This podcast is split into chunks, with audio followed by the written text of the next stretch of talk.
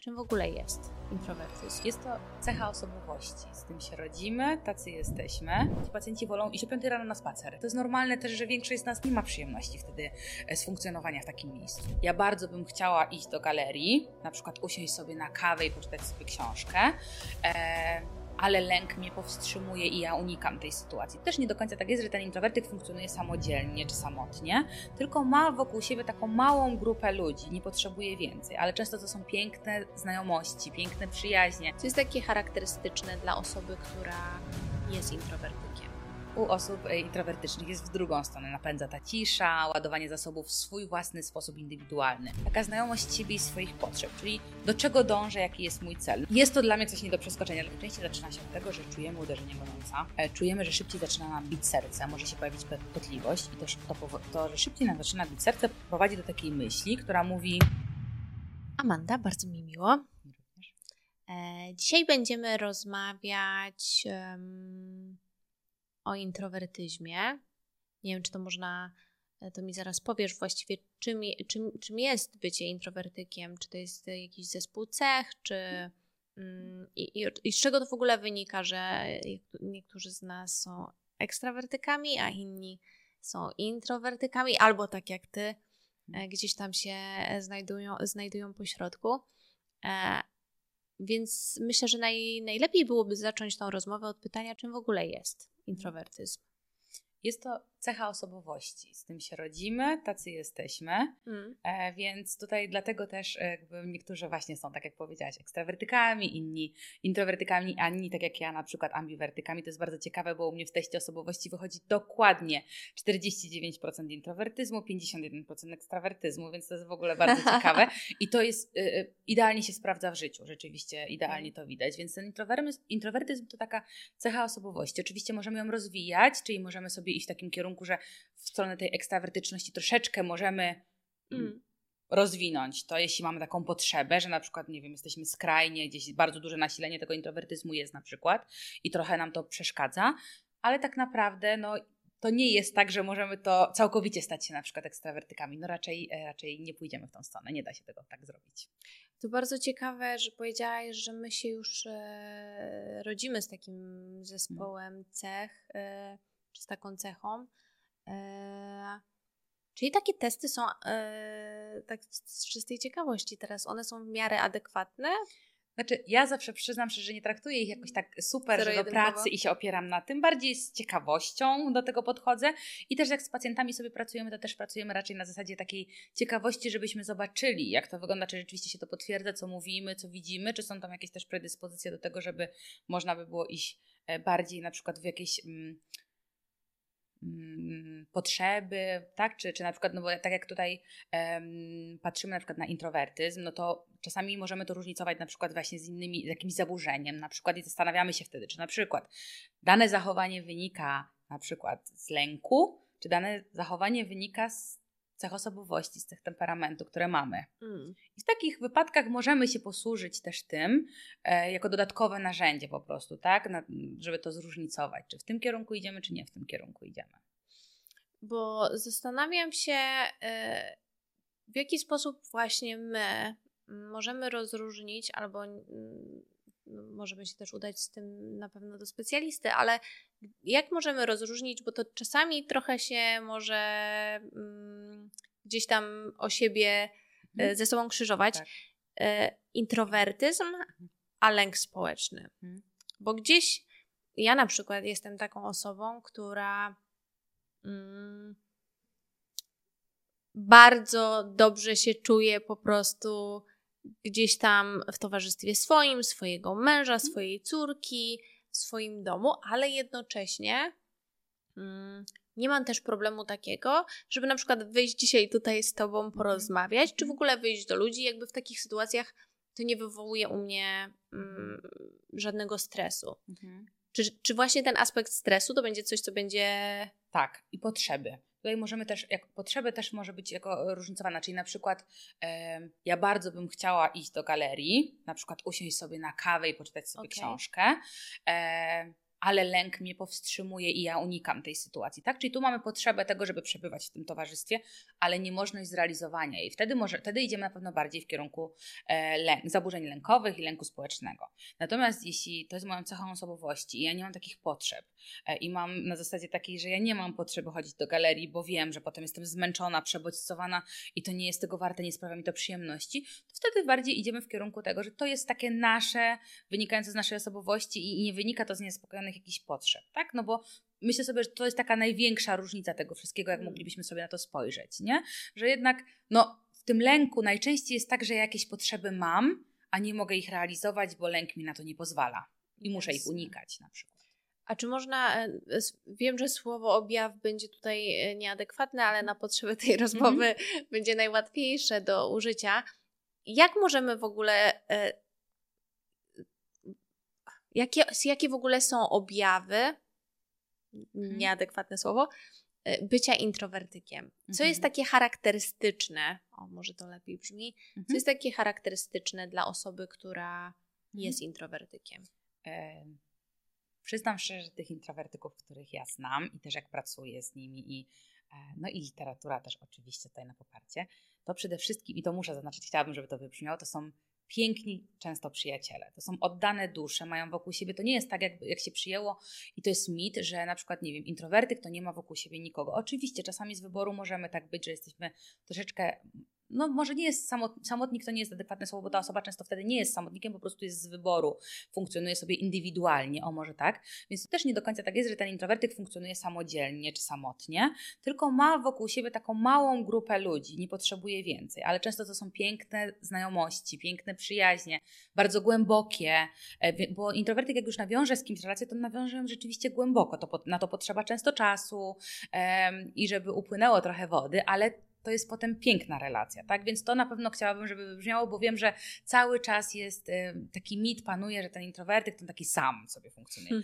No nieprawda, tak? Na pewno to, to, też coś, co widać u introwertyków, to to, że zanim komuś zaufają, e, mm, będą mówić o swoich uczuciach, emocjach też upłynie trochę czasu, ale potem to zrobią. No, więc na pewno są te uczucia i emocje takie wyważone, e, na pewno nie, nie ma tutaj takich zachowań impulsywnych, e, gdzie tak wybuchnę nagle i tak dalej, chyba, że jest to w tym bliskim gronie, gdzie czuję się bezpiecznie i, i rzeczywiście wtedy troszeczkę to wygląda inaczej, tak?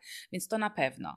E, co jest jeszcze takie charakterystyczne? No właśnie na pewno nie ma często preferencji takich przebywania w zatoczonych miejscach, natomiast też nie wykluczajmy tego, bo często to jest tak, jak widzę też u pacjentów, że na przykład taka osoba może iść raz na trzy miesiące na taką imprezę i ona będzie miała radość z tej, takiej imprezy, Natomiast te baterie dosyć długo się potem ładują po takiej imprezie, bo rzeczywiście jest to dość wyczerpujące. Natomiast też nie, nie pójdźmy w taką stronę, że to kompletnie nie jest przyjemne i że kompletnie takie osoby unikają e, zatoczonych miejsc w ogóle. No pewno to nie jest tak częste jak u osób ekstrawertycznych, więc to są takie na pewno aspekty, które widać u tych, e, u tych introwertyków. I ta emocjonalność, właśnie to grono, bliskie grono e, znajomych. Często to też może być taka praca bardziej e, samodzielna, tak? Czyli nie, że w zespole, no bo to może być trudne, wymagające dla takiej osoby, e, więc to też widać. Też często widać preferencje bardziej na przykład ciszy, spokoju, e, bardziej może natury, aniżeli miasta otoczonego, hałas, hałaśliwego. Z czego w ogóle wynika to takie, taka łatwość przebodźcowania u takiej osoby, bo ja na przykład sobie mm, wiem, jak wygląda u mnie taka sytuacja, że to jest trochę tak, jak ty powiedziałaś a propos tego wychodzenia raz na trzy miesiące. Ja uwielbiam przeprowadzać rozmowy tutaj u siebie z gośćmi i one mi sprawiają ogromną przyjemność, ale jednocześnie też wiem, że jak zrobię więcej na przykład niż trzy takie rozmowy w ciągu dnia, mhm to, później, tak, jak wracam do mhm. domu, to mimo tego, że ja miałam, ja, to, to był dla mnie bardzo mhm. przyjemny czas. Mhm. To nie było nic, wiesz, e, co by sprawiało mi jakikolwiek dyskomfort, ale idę do domu i ja się czuję, jakbym po, po prostu przewaliła tonę e, żelastwa na siłowni i nie jestem w stanie, wiesz, wstać i się ruszyć, jestem wycieńczona i tak zarówno, zarówno psychicznie, jak i fizycznie, nie? Się zastanawiam, z czego w ogóle to wynika, że, że mm, osoby introwertyczne mają taką łatwość do przebodźcowania, bo z tego, co ty mówisz, to, to praktycznie dotyczy każdej osoby, tak. która jest introwertykiem. Tak. E, I u mnie przy takim niskim nasileniu, w sumie niskim pół na pół, introwertyzmie też to widzę na przykład, okay. tak? Czyli jak idę do galerii, gdzie jest bardzo jasne światło, gdzie są komunikaty z radia, które są bardzo głośne, e, to, to jest dla mnie za dużo na przykład. Mm. Tak, ja, ja mogę do galerii iść i na przykład raz na jakiś czas bardzo chętnie pójdę, ale u mnie raz na jakiś czas to na przykład, nie wiem, raz na cztery miesiące i ja chętnie wtedy pójdę, mam jakieś sklepy, gdzie sobie pochodzę, pokorzystam, wychodzę też, jestem strasznie zmęczona i wtedy wiem, że na kilka miesięcy jest na pewno spokoju i nie pójdę długo, ale mam tą radość. Natomiast to też wynika z tego, że jakby mm, osoby y, z osobowością introwertyczną raczej idą w kierunku tego, że ładują baterie właśnie w naturze, częściej w spokoju. To jest coś, co napędza, tak? U ekstrawertyków widzimy to, że ładuje ich towarzystwo. Mm. I to bardzo widać, kiedy, kiedy oni spędzają czas z ludźmi i to ich tak buduje, to ich tak napędza, że do tego dążą, tak? Że właśnie w drugą stronę nie ma tych ludzi, nie ma tego napędzacza, nie? E, a u osób e, introwertycznych jest w drugą stronę, napędza ta cisza, ładowanie zasobów w swój własny sposób indywidualny. Czyli to, to mm, bycie właśnie takim otoczeniem, tak jak powiedziałeś, te rozmowy mogą być bardzo miłe, bardzo przyjemne, budujące, ale jednak e, zasoby gdzieś tam są wyczerpywane, nie? Bo to nie jest taki twój sposób e, spędzania czasu tak na full. Nie sądzę, żeby na to były jakieś prace naukowe, ale teraz mi przyszło do głowy mhm. takie pytanie i to jest pewnie tylko e, teoretyzowanie.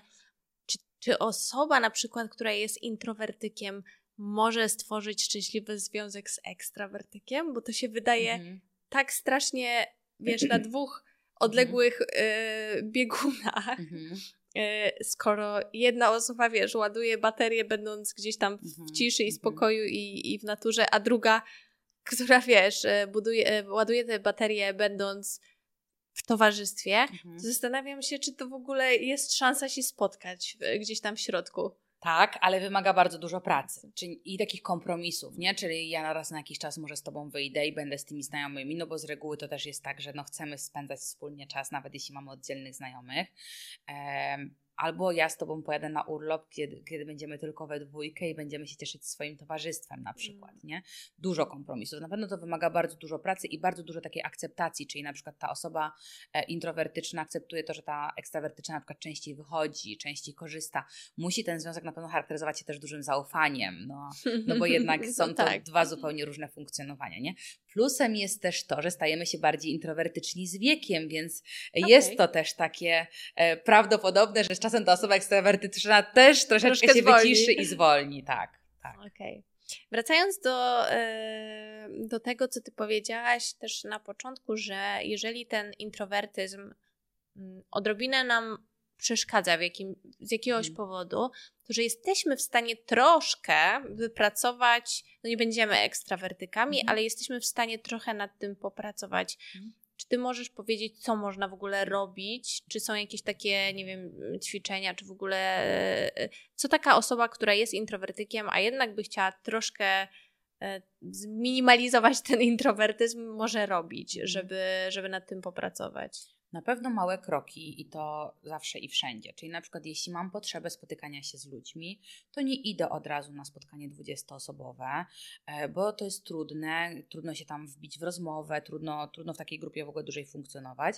Więc na przykład próbuję częściej wdrażać spotkanie na przykład jednoosobowe z kimś, mm. tak, żeby zobaczyć, jak się w tym czuję, czy to jest ok. Na przykład potem mogę mieć grono pięciu osób, z którymi spotykam się częściej, albo na przykład poprzez znajomość siebie właśnie idę na imprezę raz na trzy miesiące, ale wiem, że nie mogę od siebie oczekiwać tego częściej, no bo się zniechęcę na przykład. Tak? To, czyli tutaj pierwszym krokiem raczej bym powiedziała, że taka znajomość siebie i swoich potrzeb, czyli do czego dążę, jaki jest mój cel. No mój cel na przykład jest częściej spotykać się z ludźmi, ale czy muszę się spotykać z dużą grupą, czy na przykład mogę mieć parę osób i te, mogę mieć częściej spotkania, ale na przykład jeden na jeden, które są dużo łatwiejsze. Yes. Osób introwertycznych często widać problem kiedy jest więcej niż jedna osoba i kiedy to nie jest bliskie grono, no bo na przykład są to trzy osoby albo jesteśmy we trójkę, gdybyśmy mieli tu jeszcze jedną osobę, no to trudno jest prowadzić taką równą rozmowę we trójkę. To jest bardzo trudne. Te osoby introwertyczne z reguły dłużej przetwarzają, dłużej też um, analizują swoje słowa i tak dalej, w związku z czym um, no nie, nie podążą tak dynamicznie za rozmową, więc też się wycofują. Często też pojawia się takie zniekształcenie myślenia, e, czytania w myślach, czyli na przykład, że nie jestem interesujący, że może jestem nudny, że może nie chcą ze mną rozmawiać. To też na pewno zniechęca i gdzieś, e, i gdzieś wycofuje e, w takich rozmowach, więc tego na pewno radziłabym unikać, tak? Więc jeśli na przykład tu trzeba było poznać te cele, czyli jeśli moim celem jest to, żeby częściej się spotykać z ludźmi, to poróżnicować. Czy potrzebuję to, żeby to była większa grupa ludzi, czy, chcia, czy mogą to być spotkania jeden na jeden, no bo one jednak są najbardziej wartościowe takie, no bo najwięcej możemy porozmawiać, zobaczyć jak to wygląda i tak dalej. I też no ekspozycja, czyli właśnie wystawienie się na te spotkania, czyli zobaczyć jedno spotkanie, jak się po nim czuje, ile po nim potrzebuje czasu, żeby, e, żeby się zregenerować, czy w ogóle potrzebuje, bo może nie, bo może też mnie to naładowało i się czuję super, e, ale żeby po, jednak popróbować. No ekspozycja najlepiej działa na takie rzeczy, e, żeby zobaczyć co, w czym, w którym kierunku się czuję. Hmm? Sama będąc e, introwertykiem, wiem, że mm, problem trochę zaczyna się z tym e, introwertyzmem wtedy, kiedy e, w grę wchodzi też depresja na przykład. Mhm. To jest bardzo trudne do e, nawigowania z tego względu, że z jednej strony przy depresji praktycznie najgorszą rzeczą, jaką możemy zrobić, to zamknąć się w czterech ścianach i nie wychodzić. E, no a z drugiej strony dla introwertyka, introwertyka, tak jak już powiedziałyśmy, jest to gdzieś komfortowe i on się w ten sposób relaksuje. I to jest trochę e, takie zamknięte koło wtedy. E, co można w ogóle, jak powinna się zachować, znaczy powinna to też nie jest adekwatne słowo, ale, ale co możemy w tej sytuacji zrobić, nie? Jeżeli jesteśmy z natury introwertykiem, z jakiegoś powodu zostaliśmy zdiagnozowani z depresją, no i teraz jak tą w ogóle sytuację nawigować, żeby nie wpędzać się w jeszcze, mhm. jeszcze mm, głębszą depresję, tak? Mhm. No tutaj na pewno podstawą jest farmakoterapia, no to wiadomo. E, plusem jest teraz e, jeszcze w ogóle po pandemii, to już w ogóle terapia online, która jest bardzo już znana, popularna, więc to jest coś, co na start jest bardzo komfortowe, no bo E, samo szukanie psychoterapeuty, wyjście do niego do gabinetu i w ogóle może być bardzo wysokim celem i no często nie do zrealizowania na początek. Myślę sobie, że to jest w ogóle bardzo trudne, dlatego że Generalnie zauważ, że większość ludzi nie mówi o tym, co się u niego dzieje i tak dalej. I ja widzę pacjentów i czasami no, na wywiadzie wstępnym pytam na przykład, od kiedy są objawy, to nigdy nie jest tak, że ktoś powie, nie wiem, te 3-6 tygodni, od kiedy można by było zdiagnozować depresję, tylko większość mówi od roku, dwóch, od zawsze na przykład. Okay. Tak? I to jest właśnie też takie częste, że że często żyjemy z tymi objawami już ileś czasu, też się do nich przyzwyczajamy. W pewnym momencie oczywiście one się nasilają do tego stopnia, że nie dają nam funkcjonować.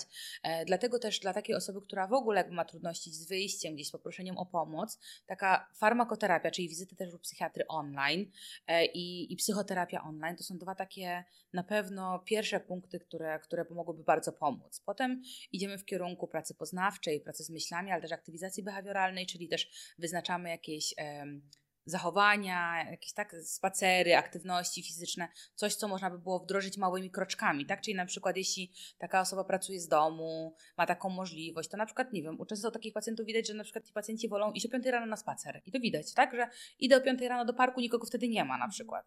Więc robimy też takie rzeczy, żeby też czu czuć się komfortowo, ale żeby jednak coś wdrażać, nie?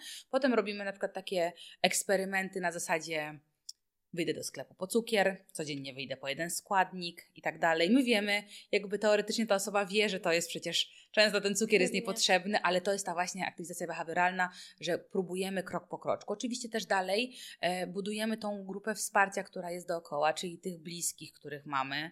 Zachęcamy do tego, żeby jednak o tym z nimi rozmawiać, dzielić się e, tym, co czuję, jeśli mam taką potrzebę. No bo często to jest, że ci ludzie mają potrzebę, jakby rozmowa o tym, ale często jest też przekonanie, nie będę komuś zawracał głowy, to jest nic takiego, oni mają swoje sprawy, więc to wszystko e, też obalamy, że tak mm. powiem, bo to też jest bardzo potrzebne, kiedy mamy wokół siebie te bliskie osoby, które są nam życzliwe i mogą pomóc, nie potowarzyszyć też tak naprawdę. E, no, niedawno, bo, bo niedawno, aczkolwiek już się wydaje dawno, zmagaliśmy się e, z pandemią. Mm.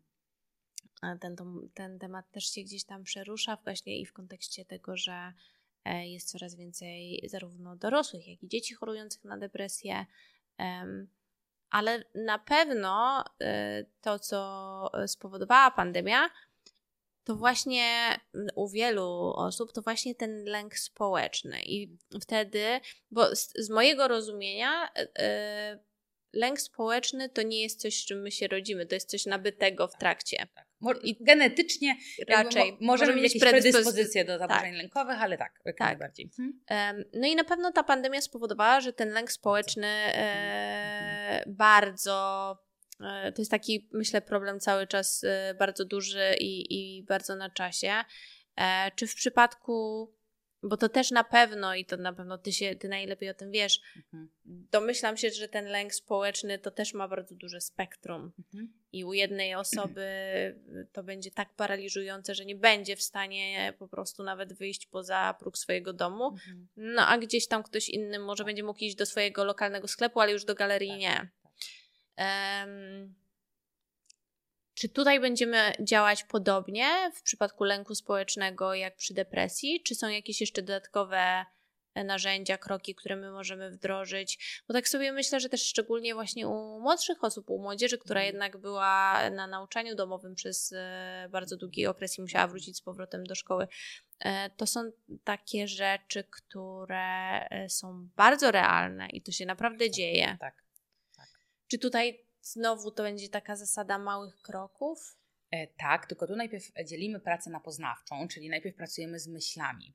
Bo teraz tak, osoba, która jest z lękiem społecznym i funkcjonuje przez jakiś czas, to ona te myśli traktuje jako prawdziwe. Czyli na przykład, jeśli ja wychodzę do galerii i mam poczucie, że wszyscy się na mnie patrzą, albo idę do szkoły i mam poczucie, że wszyscy się na mnie patrzą, na pewno o mnie myślą źle i na pewno o mnie gadają, a jeszcze nie daj Boże usłyszę, że ktoś się ze mnie zaśmiał i w ogóle to, to już jest w ogóle potwierdzenie 100% tych myśli, to najpierw pracujemy poznawczo i obalamy te myśli, tak? Najpierw w ogóle zauważamy, że to wynika z zaburzeń lękowych, że to jest nieprawdziwe, że to jest tylko myśl wynikająca z tego, a nie z niczego innego to często zajmuje dość sporo czasu, e, żeby, żeby ta osoba w ogóle zauważyła, że dobra, to jest rzeczywiście tylko myśl, ona nie ma, jakby nie ma poparcia w faktach tak naprawdę, nie wiem tego, tak? Czyli obalamy chociażby to, że no nie umiemy czytać w myślach, więc nie wiem, co ta osoba myśli. To, że ktoś się uśmiechnął na nas widok, mógł się uśmiechnąć z różnych powodów, nie, nie tylko dlatego, że źle dzisiaj wyglądam, czy dziwnie na przykład, yes. nie?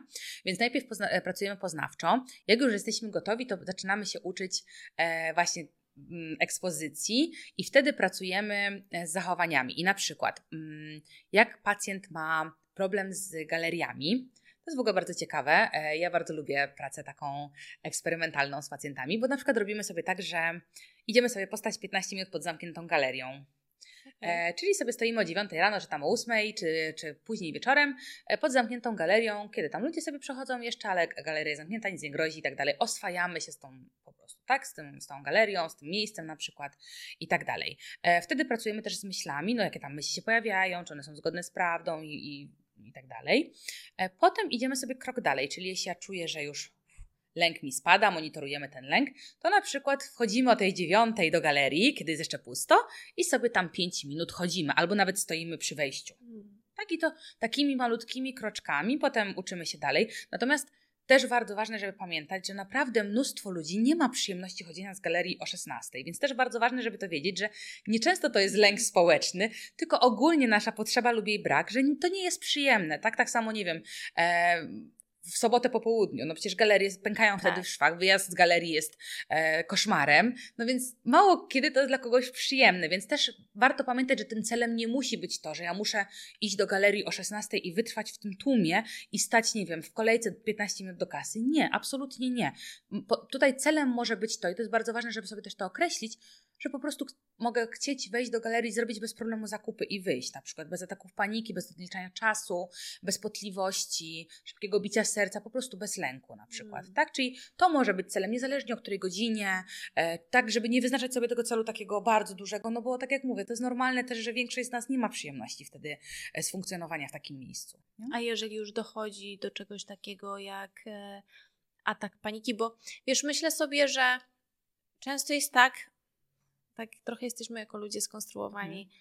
że zanim zasięgniemy po pomoc, na przykład Twoją, czy innego mhm. specjalisty, to musimy naprawdę już dojść do tego punktu takiego skrajnego, skrajnego mhm. jakim na przykład może być atak paniki, i dopiero wtedy zdajemy sobie sprawę, że okej, okay, dobra, to już mhm. jakby zaszło za mhm. daleko. Mhm.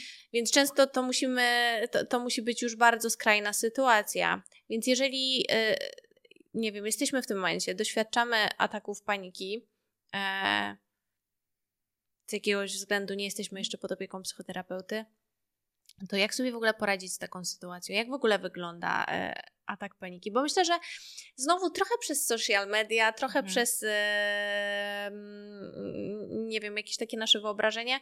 Często też ten atak paniki to jest taki, wydaje się takim wymysłem, tak. e, wiesz, e, jakiejś sfochowanej kobiety, ona ma atak paniki. Mhm. E, i, I myślę, że też wiele osób nie rozumie, że to jest prawdziwa prawdziwa sytuacja, tak? Reakcja że to jest bardzo realne dla tak. tej osoby, która to przeżywa. Tak. E, tak, oczywiście. Atak paniki najczęściej zaczyna się od tego, że czujemy uderzenie gorąca, e, czujemy, że szybciej zaczyna nam bić serce, może się pojawić potliwość i to, to, to, że szybciej nam zaczyna bić serce prowadzi do takiej myśli, która mówi zaraz umrę, coś mi się dzieje, może mam zawał, może coś innego się dzieje. W związku z tym to napawa nas jeszcze większym strachem i zaczyna nam się kręcić w głowie, więc mamy obawę, że zemdlejemy, że nikt nam nie pomoże, bo to są takie najczęstsze myśli, które się wtedy pojawiają. Oczywiście to, co jest bardzo ważne w tych sytuacjach, to, że pamiętać o tym, że atak paniki nas nie zabije raczej nigdy nie mdlejemy też z powodów ataków paniki. E, nie dzieje się tak, więc to też są takie bardzo ważne myśli, no, które ciężko sobie też wytłumaczyć, kiedy ten stan jest tak dramatyczny w tym momencie tak naprawdę. On trwa od 8 do 12 minut i teraz... Okej, to długo. Tak, z jednej strony tak, ale z drugiej strony to jakby co często funkcjonuje, to też widzę na Instagramie na przykład, jak, jak są temat ataków paniki, no to często tam ludzie piszą, że nie, on trwa całymi godzinami i tak dalej. Nie, absolutnie nie. To jest wtedy stan lękowy, ale to nie jest atak paniki. Atak paniki to jest właśnie wtedy, kiedy mamy te wszystkie reakcje e, z ciała, reakcje fizjologiczne, mamy te myśli, ale to mija. To nie jest tak, że, że to nie mija. Oczywiście potem jesteśmy bardzo zmęczeni, tak? Potem bardzo często pacjenci mówią, że cały dzień jest po prostu wyjęty, pierwsze 3-4 godziny to są totalnie jakby wyjęte z funkcjonowania, bo jesteśmy tak bardzo zmęczeni, jakbyśmy byli po wielkim wysiłku fizycznym. I tak na pewno jest. Tak sobie myślę, że w takim razie te biedne dzieci, co tak zostały wrzucone z powrotem mm. od razu do szkoły mm. i nie było żadnego takiego etapu przejściowego.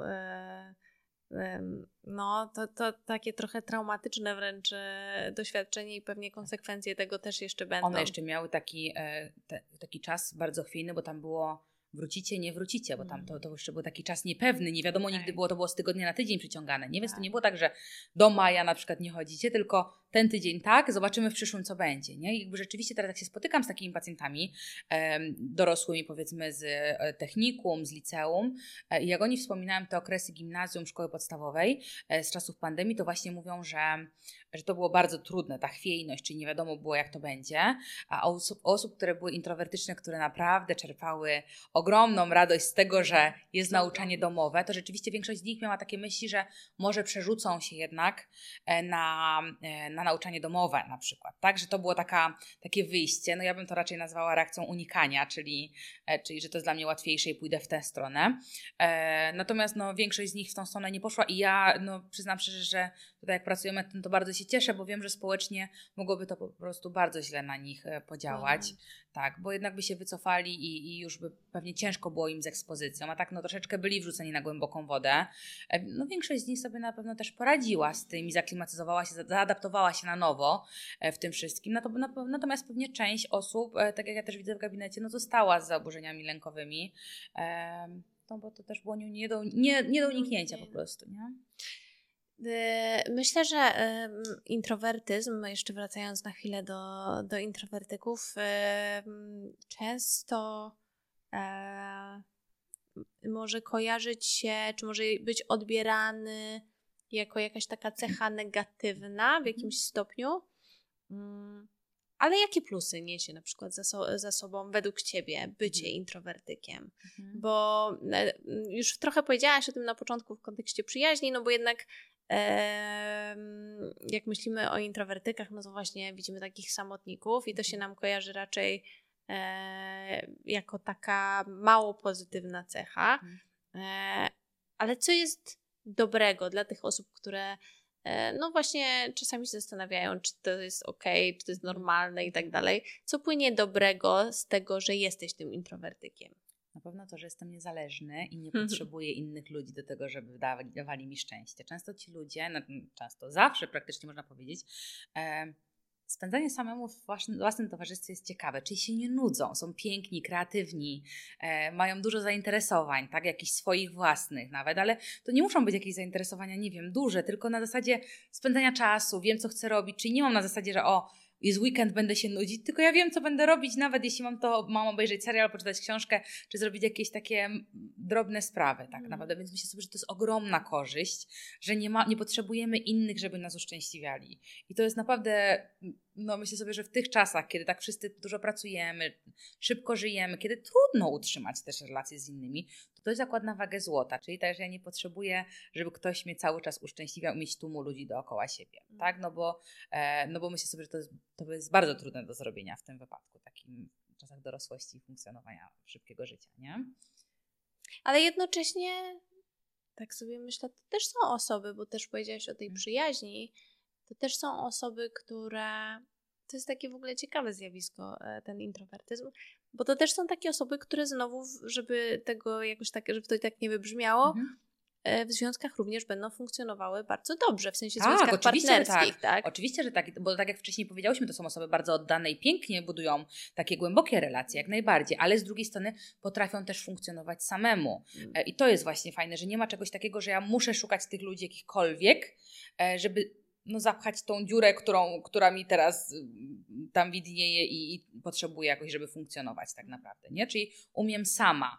E, I to jest naprawdę bardzo fajne. I my jak pracujemy w gabinecie nad taką samą świadomością, to właśnie często też nad tym, żeby sobie to uświadomić, że hej, ja mogę, że nie mam czegoś takiego, że się nudzę, że ja jak sobie pomyślę o wolnym weekendzie, to mam łoch, ile rzeczy do zrobienia, które mogę zrobić ciekawych sama Jasne. a nie muszę na przykład szukać kogoś do, do, do, do kompletu, do pakietu. Ja jak słyszę e, od pacjentów na przykład, że jadą gdzieś w podróż samodzielnie, to ja sobie myślę, no wow, czapki z głów, bo ty się odzywa mój ekstrawertyzm, ja nie dałabym rady, a często bym chciała, bardzo bym chciała, bo to jest, myślę sobie, że mega ciekawe i, e, i często nie mamy możliwości na przykład jechać we dwójkę, tak? Nie, bo druga osoba nie chce, nie może, albo jakiś tam z innych względów, i, no i mówię, ja super, też bym tak chciała, no ale tutaj jakby no też chyba, chyba raczej ja bym tego nie przeskoczyła, aczkolwiek może kiedyś trzeba było spróbować.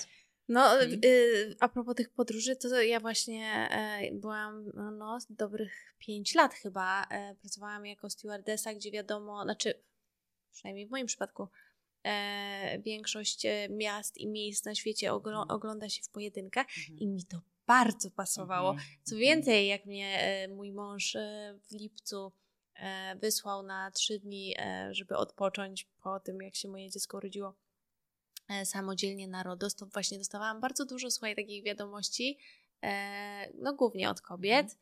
ze względu też na mój profil, że wow, jak to jest się odważyć właśnie polecieć samemu, aczkolwiek coraz więcej widzę kont, między innymi na Instagramie, które pokazują właśnie, że można samodzielnie podróżować. E, to pewnie też nie jest dla każdego. Mhm, na pewno, nie? E, na tak, pewno. ale ja na przykład to mnie ładuje, wiesz. Taki... I dlatego ja na przykład tego pozytywnie zazdroszczę, bo ja uwielbiam podróże, mogłabym ciągle gdzieś latać. Mój mąż mówi, że po prostu e, można mi drapaczkę kupić, bo ciągle mnie tyłek swędzi i że mogłabym ciągle gdzieś lecieć ale nie odważyłabym się na podróż samodzielnie. Jakby myślę, że nie miałabym radości e, z tego. Nauczyłam się, że mam z nim tą radość i że z nim to przeżywanie i tak dalej. No, jest to dla mnie coś nie do przeskoczenia. Dlatego też właśnie o tym mówię, że to jest super u osób e, introwertycznych, że mogą z tego korzystać i że to nie jest jakby że mało co teraz jest takim ograniczeniem mm. jakby w życiu, e, że, że trzeba coś robić razem, że mogę coś zrobić samemu, tylko to tkwi we mnie, moje nastawienie, moje podejście do tego, nie? Wiem, że miałyśmy rozmawiać głównie o introwertykach, ale jak e, tutaj e, trochę o ten wątek zahaczyłaś, to mnie to zaintrygowało w kontekście ekstrawertyków. Hmm. Gdzie powinno nam się, e, bo, bo jaka jest różnica pomiędzy byciem ekstrawertykiem, a taką osobą, która nie potrafi właśnie być sama mhm. i potrzebuje często no, jakiejkolwiek osoby, mhm. nawet nie takiej, z którą jest jakoś bliżej związana, często pewnie też, żeby zagłuszyć jakieś, e, nie wiem, może problemy, z którymi nie chce się mhm, zmierzyć, mhm, bo to znowu może być takie ciężkie do rozróżnienia, nie? Bardzo, gdzie jesteś ekstrawertykiem i to jest ok, bo po prostu taka jest twoja tak. natura, a gdzie po prostu nie chcesz zostać sam ze swoimi myślami, bo może po prostu się za dużo w twojej głowie by wtedy działo i, i nie chcesz się z tym spotkać. Co, co, co, co, co powinno nas niepokoić w takim w takiej ciągłej potrzebie bycia z drugim człowiekiem. tu może znowu bardziej odwołam się do tych potrzeb, czyli do tego, mm. że może miałabym potrzebę posiedzieć sama, na przykład okay, i odpocząć, ale się boję. Ale się boję i, i myślę sobie, że jak zostanę w tym domu, usiądę, to znowu zacznę myśleć, analizować, to lepiej się z kimś umówię na tą kawę, bo wtedy uniknę tej sytuacji i nie będę musiała się z nią zmierzyć. Mm. Nie? Czyli moja potrzeba jest raczej taka, że mam, no bo nie oszukujmy się, no jakby ekstrawertycy też mają potrzebę czasami przebywać samemu, czy w mniejszym gronie, odpoczynku i innych rzeczy, ale jeśli mam potrzebę, ale moje zachowanie jest totalnie z nią sprzeczne, e, czyli dochodzi do takiego dysonansu pomiędzy myślami a tym zachowaniem, nie? No bo jakby mam potrzebę i w ogóle jakby w innym kierunku, a zachowuję się zupełnie w innym kierunku, no to, no to coś tutaj jest nie tak, nie? Więc bardziej w takim, w takim kierunku można by było to rozróżnić. E, na koniec moje ulubione pytanie, a mianowicie, czy jest coś, o co ja nie zapytałam w kontekście introwertyków, co Ty uważasz za bardzo istotne i chciałabyś jeszcze na koniec do tej rozmowy e, dodać? No ja myślę sobie, że e, chyba poruszyłyśmy wszystko, natomiast dodałabym na pewno to, żeby, żeby pracować nad tą akceptacją siebie, że w każdej z osobowości można znaleźć piękne cechy e, i najważniejsze jest to, żeby dopasować to funkcjonowanie pod siebie i naprawdę można. Tak jak ja powiedziałam na początku, ja jestem 49 e, e, introwertykiem, 51 ekstrawertykiem i u mnie się to na przykład idealnie sprawdza w życiu, czyli ja mam pracę ekstrawertyczną, całe dnie pracuję z ludźmi, ale moje życie prywatne jest bardzo wąskie i bardzo malutkie. Ja się śmieję, że jak gdyby mi ktoś kazał codziennie z koleżanką wychodzić na kawę, to to by była dla mnie największa kara z całym szacunkiem do moich koleżanek ale ja sobie nie wyobrażam, tak samo na przykład nie wyobrażam sobie mieć takiej relacji, gdzie codziennie musiałabym z kimś rozmawiać przez telefon na przykład. Ja lubię swoje otoczenie bardzo, lubię swoich bliskich, ale jednak mój mąż i moje dziecko jest dla mnie najbezpieczniejsze. Ja bardzo lubię nasze rodzinne spotkania, nie wiem, z rodzicami, z teściami i tak dalej, ale cieszę się na przykład, że to nie są codzienne spotkania, że na przykład nie mieszkam w jakimś domu wielopokoleniowym, gdzie codziennie mam mamę, babci i kogoś innego, bo to byłoby dla mnie po prostu bardzo trudne. I myślę sobie, że ta akceptacja tego bardzo pomaga, dlatego że ja pamiętam też z czasów swoich nastoletnich, kiedy e, moi rodzice ekstrawertyczni, bardzo ekstrawertyczni, mama zawsze mówiła, umów się z kimś, umów się z kimś. I to było dla mnie takie matko, czy coś ze mną jest nie tak, że ja się z nikim nie spotykam, bo nie chcę na przykład, bo nie mam takiej potrzeby, bo wolę posiedzieć w domu, poczytać książkę. Zawsze książki pochłaniałam tonami, więc jakby dla mnie to było takie miłe i fajne, a tu ktoś mówi umów się na kawę i rzeczywiście może powinnam się umówić na tą kawę i myślę sobie, że wtedy to, że ja nie znałam swoich potrzeb, nie wiedziałam też, że to jest okej, okay, to wpływało na moją samoocenę i na to, że, postrzegałam siebie źle, no bo jak, jak, coś ze mną jest nie tak, skoro nie iść na kawę, skoro nie podtrzymuję relacji z tymi koleżankami, dlaczego ja nie idę? U mnie jakby na studiach tak samo były konflikty z koleżankami największe o to, że ja się umawiałam, że pójdę na imprezę, a nie szłam na nią. To cała ja. Po prostu ja szłam do domu, wiesz, dla mnie na przykład nie było problemem, że kończyliśmy zajęcia o 16 i ja mogę z kimś iść na obiad. Super, chodź na obiad, jakby nie ma problemu. Ale jak ja dojeżdżałam do domu, przebierałam się w dresik, brałam sobie tą książkę i patrzyłam na zegarek, że o 22 muszę wyjść na imprezę, gdzie o 22.30 chodzę spać, to dla mnie była największa zmora. I tu znowu wychodziło ten brak akceptacji siebie, no bo sobie myślałam, że coś ze mną jest nie tak, skoro oni wszyscy imprezują, a ja nie wychodzę. Koleżanki były potem obrażone, no bo jak powiedziałaś, że przyjdziesz, a nie przyszłaś. Więc tutaj bardzo duży był to dla mnie dyskomfort, ale jak w momencie, gdy zaczęłam nad, nad tym pracować, że to jest okej, okay, że jakby mam takie cechy osobowości, jakie mam, no, nie jest to dla mnie komfortowe, nie wiem, chodzić po nocach na imprezy. Nie lubię tego, nie lubię zarywać nocy. E, dla mnie, ja wiem, że nie odsypiam, więc bardzo ważne jest dla mnie, żeby się wyspać, bo wiem, że potem super funkcjonuje. Gdy dbam o to wszystko, mhm. to to naprawdę bardzo duży komfort życia zapewnia. Więc raczej poszłabym w kierunku tego, żeby poznać siebie, swoje potrzeby. E, oczywiście te, te potrzeby też, których nie zaspokajam, żeby zobaczyć, jak mogę je zrealizować właśnie poprzez na przykład ekspozycję czy pracę z myślami, ale ta akceptacja to jest taki najważniejszy punkt tego, żeby, żeby dobrze funkcjonować.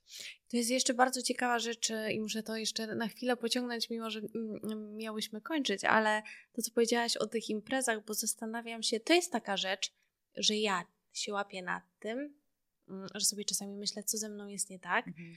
że ja mam taką tendencję do tego, że w tym konkretnym momencie, tak jak ty podajesz przykład imprezy, ja naprawdę bym bardzo chciała. I ja na przykład, jak się z kimś na, na coś mhm. umawiam, mm-hmm. to ja naprawdę mam dobre intencje mm-hmm. tego, że ja z tą osobą się spotkam i to zrobię. I czuję to. I czuję tak. to. Mm-hmm.